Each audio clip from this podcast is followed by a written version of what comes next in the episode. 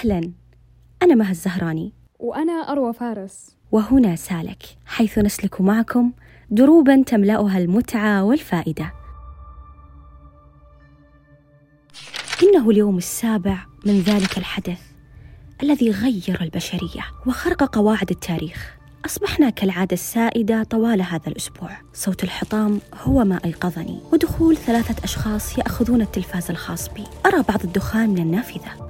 ويا إلهي ها قد بدا جاري المجنون بقطع تلك الأشجار بمنشاره الكهربائي. أسمع بكاء أطفال بحرقة ودعوني أنصحكم بعدم مشاهدة منظرهم وهم تحت رحمة أشقائهم المراهقين. قد يبدو الأمر مليئا بالفوضى وهو كذلك حقا لكنك ستعتاد رؤية وسماع كل تلك الأمور مع مرور الوقت. تلك الأصوات التي تهمس بعقلي تحاول إقناعي بهذا الهراء لكني موقن. أن لا شيء سيكون بخير إن اعتدنا على هذه الوحشية. فحتى الحيوانات قويمة الحال عنا. رغم كرهي للخروج بهكذا أوضاع إلا أنني يجب أن أختات لنفسي ما يبقيني على قيد الحياة. هذا إذا كان لها قيد بعد الذي حصل.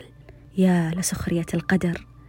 حتى كلمة قيد باتت لا تثير حفيظة النفس كما سبق. قطع سيل أفكاري وصمتي الذي اعتكفته لأضمن سلامتي هو صوت السلاسل التي تحتك بذلك الإسفلت المتشقق. رائحة المسكرات تفوح في الأرجاء لكثرة استخدامها.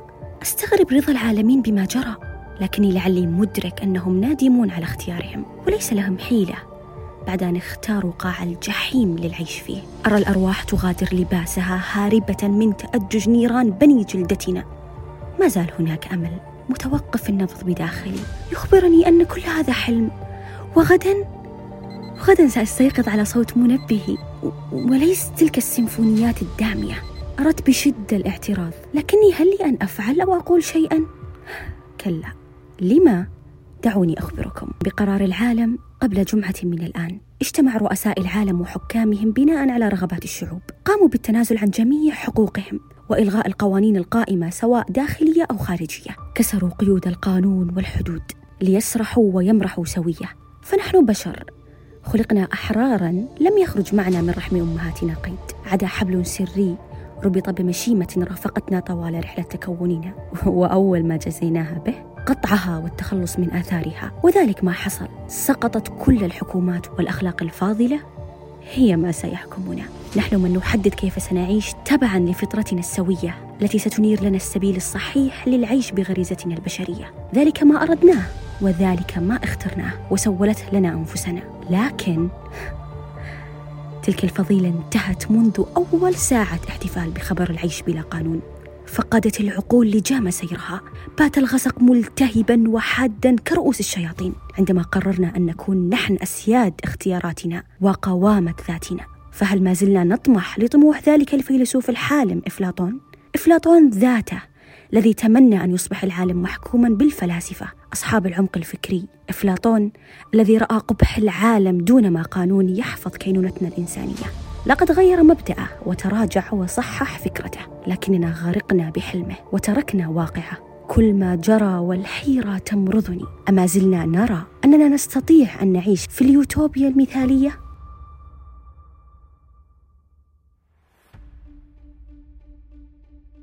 القانون ليس مجرد قواعد إنشائية ومواد يترافع بها المحامون أو يطبقها القضاة، فالقانون يمثل العمود الفقري لجسد الحياة، فإذا انكسر أو أصابه اعوجاج شل الجسد كله. تخيل معي سارقا يسرق أمام مرأى الناس، والمجني عليه واقف مغلول اليدين، منعدم الحيلة، رجل يقتل قريبه فيترك دمه مهدورا دون جزاء أو رجل يضرب امرأة فتنوح بحرقة مهدودة القوى.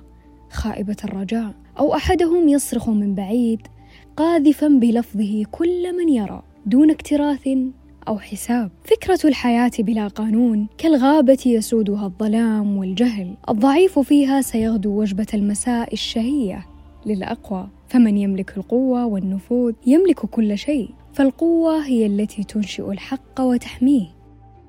يحيا الإنسان في هذه الغابة وهو يرتعد خوفا من مصيره المجهول ومن عدم الأمان وبرغبة دائمة بالفرار. فهي غابة تغيب عنها فكرة العدالة وتفتقر للسلطة العليا المنضبطة وللنظام. لا تحترم أحدا ولا تحن على أحد. أي منظمة قائمة مهما صغرت ستحتاج لنظام يحكمها. فلا يمكن أن تقوم شركة دون نظام أساسي ولا يمكنك أن تلعب كرة القدم دون قوانين صارمة تنظم هذه اللعبة. ولا يمكن أن يعيش البشر دون أن ترسم حدودا لغرائزهم السيئة. يقول إبراهيم الكوني لا مكان بيننا لمن لم يؤمن بأن القوانين لم توجد إلا لتكون تلك الأحبولة المثيلة لبيت العنكبوت حيث يتورط الضعفاء في حين يفلت الأقوياء. القانون شرع ليتساوى الجميع وليصبح هو اليد العليا الأقوى والعادلة المعطية ويعدم كل عناصر التمييز القائمة والمحتملة على حد سواء. فالإنسان قال عنه أرسطو بأنه حينما يطبق القانون فهو يسمو على الحيوان. وحينما يبتعد عن القانون والعدالة ينحط ويصبح قدره أقل من قدر الحيوان. سألنا أصدقاء بودكاست سالك عن تصوراتهم حول حياة لا يحكمها القانون. لنستمع سوية. ماذا قالوا؟ أن تعيش في عالم بلا قانون. قطعا عالم ظالم. عالم قاتل يسرق خائف. عالم يغرق في وحل ولا يرجى نجاته. أن تكون في عالم بلا قانون أشبه بأنك تغرق والجميع ينظر إليك ضاحكا دون أن يناولونك طوق النجاة. أن يكون العالم بلا قانون لسادت الفوضى لسادت الجرائم كما لو كان هذا هو حال الحياة المعتاد كما لو لم يكن شيئا غريبا شيئا لا يرضى به الله ولا العاقل من بعده. أن تكون في عالم بلا قانون أي أنك لا بد أن تجسد شخصية الشر حتى تعيش وإلا انتشلت روحك على يد من هم أقوى أو ليسوا أقوى بالحقيقة أضعف منك لأنك حين ترتكب جرما ما لا يطلق عليك لقب البطل الخارق أو أنك شخصا يملك من القوة ما لا يصدقه العقل. على العكس تماما ستكون أضعف مخلوق كما لو كنت حشرة. أن يكون العالم بلا قانون أي أنك تحيا في أرض الغدر في أرض الأحزان. باختصار بنكون أمام اختلال اضطراب شوشرة شغب فوضى زعزعة والكثير. بيعمل بقانون الغاب. القوي بياكل الضعيف. إلا مو بس بينوكل يمحى تأثيره من الوجود. لأن اللي بيده السلطة اللي بيده الجاه المنصب اللي بيده المال هو اللي يمشي هو اللي بيمشي. حال عدم وجود قانون؟ أتصور أنه سيتفاوت انضباط كل شخص بحسب ما يراه وما يؤمن به وما يعتبره خطيئة أو جريمة. آه، سيتفاوت تطبيق كل فرد على نفسه الجزاء عند خطئه وقد لا يطبقه نظرا لعدم وجود رقيب يحاسب سوى ضمير الشخص نفسه.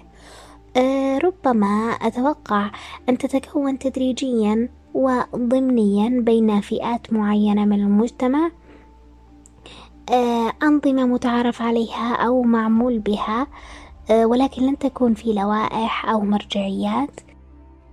تخيلت نخاف نطلع بروحنا وما نعرف ننام في بيوتنا وصرنا نتبادل الحراسة والطرق الرئيسية بالمدن وبين المدن كلها أوكار لقطاعين الطرق والمجرمين والشوارع والممرات داخل المدينة عبارة عن مشاجرة عصابات ودماء مسفوكة. حطام للممتلكات العامة والخاصة وسطو على المنازل والمحلات التجارية. سرقات وخطف ونهب حرائق وقتل أطفال معنفين ونساء ثكلى ورجال يبكون من القهر. حياة مخيفة مخيفة جدا وبائسة. العيش بلا قانون ضياع وفوضى تبدد وشتات تفرد من قوي على ضعيف. هيمنة غني على فقير. عيش بلا قانون حياة بلا حدود بلا حماية وأمان. حياة يدب في دروبها خوف ورعب. نعلم أن القوانين الوضعية من صنع البشر. تلك حقيقة أن الإنسان لا يمكنه العيش بلا قانون. في ديننا نرى أن الله قد وضع لنا حدودا وتشريعات. وتلك الحدود والتشريعات تماما هي ما تجعلنا نعيش باستقامة. وبراحة واطمئنان. الحياة دون القانون كالجسد دون العقل. يهيم البشر أمام غرائزهم دون رادع لهم. مخلفين وراءهم أمم من الجهل. ليجعل نصفنا في فوضى وفساد والآخر ملتهيا بالنجاة.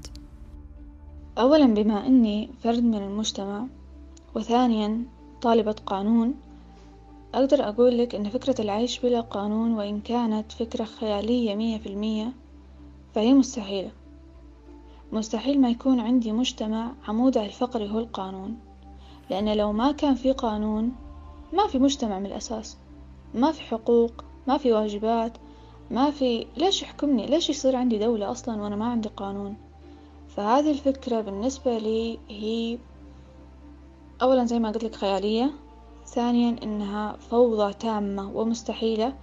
والآثار اللي مترتبة عليها أقدر أتخيلها من الحين وأقول لك إنها كارثة صراحة لما قرأت السؤال أول مرة لأكون صادقة ما كان عندي المقدرة أني أتخيل كيف راح يكون الوضع مأساوي لكن بعد جهد جهيد قدرت أني أتوصل نتيجة مجتمع بلا قانون كمنزل بلا أعمدة وهذا شيء خاصين منه. لكن أيضا مجتمع بلا قانون نفس حياة الغابة بالضبط. القوي بيحصل يبيه والضعيف المساكين بينهضم حقه. فكيد الكائدين وعنجهية المتآمرين لن تجد لها رادع. بالمجمل القانون هو الشعلة التي تبدد غياها بالشك وتنير الطريق إلى العدالة والحق. فما لنا غنى عنه. ختاما تذكر دائما أن القانون وضع من أجل إصلاح حياة البشر وتقويم سلوكهم. فالجهل بالقانون لا يعد عذرا يعتد به فتسلح بالثقافة القانونية التي تمكنك من معرفة كل من حقوقك والالتزامات الواجبة عليك. ولتصون أفعالك من المخاطر التي قد تعترضها وتحول دون شرعيتها. فإذا تسلحت بهذه الثقافة ستحميك من الاستغلال وسوء المعاملة فتخلق منك شخصا واثقا ملما بما له وبما عليه. فالالتزام يبدأ من شعور فردي ليتفشى سريعا بين جميع أفراد المجتمع.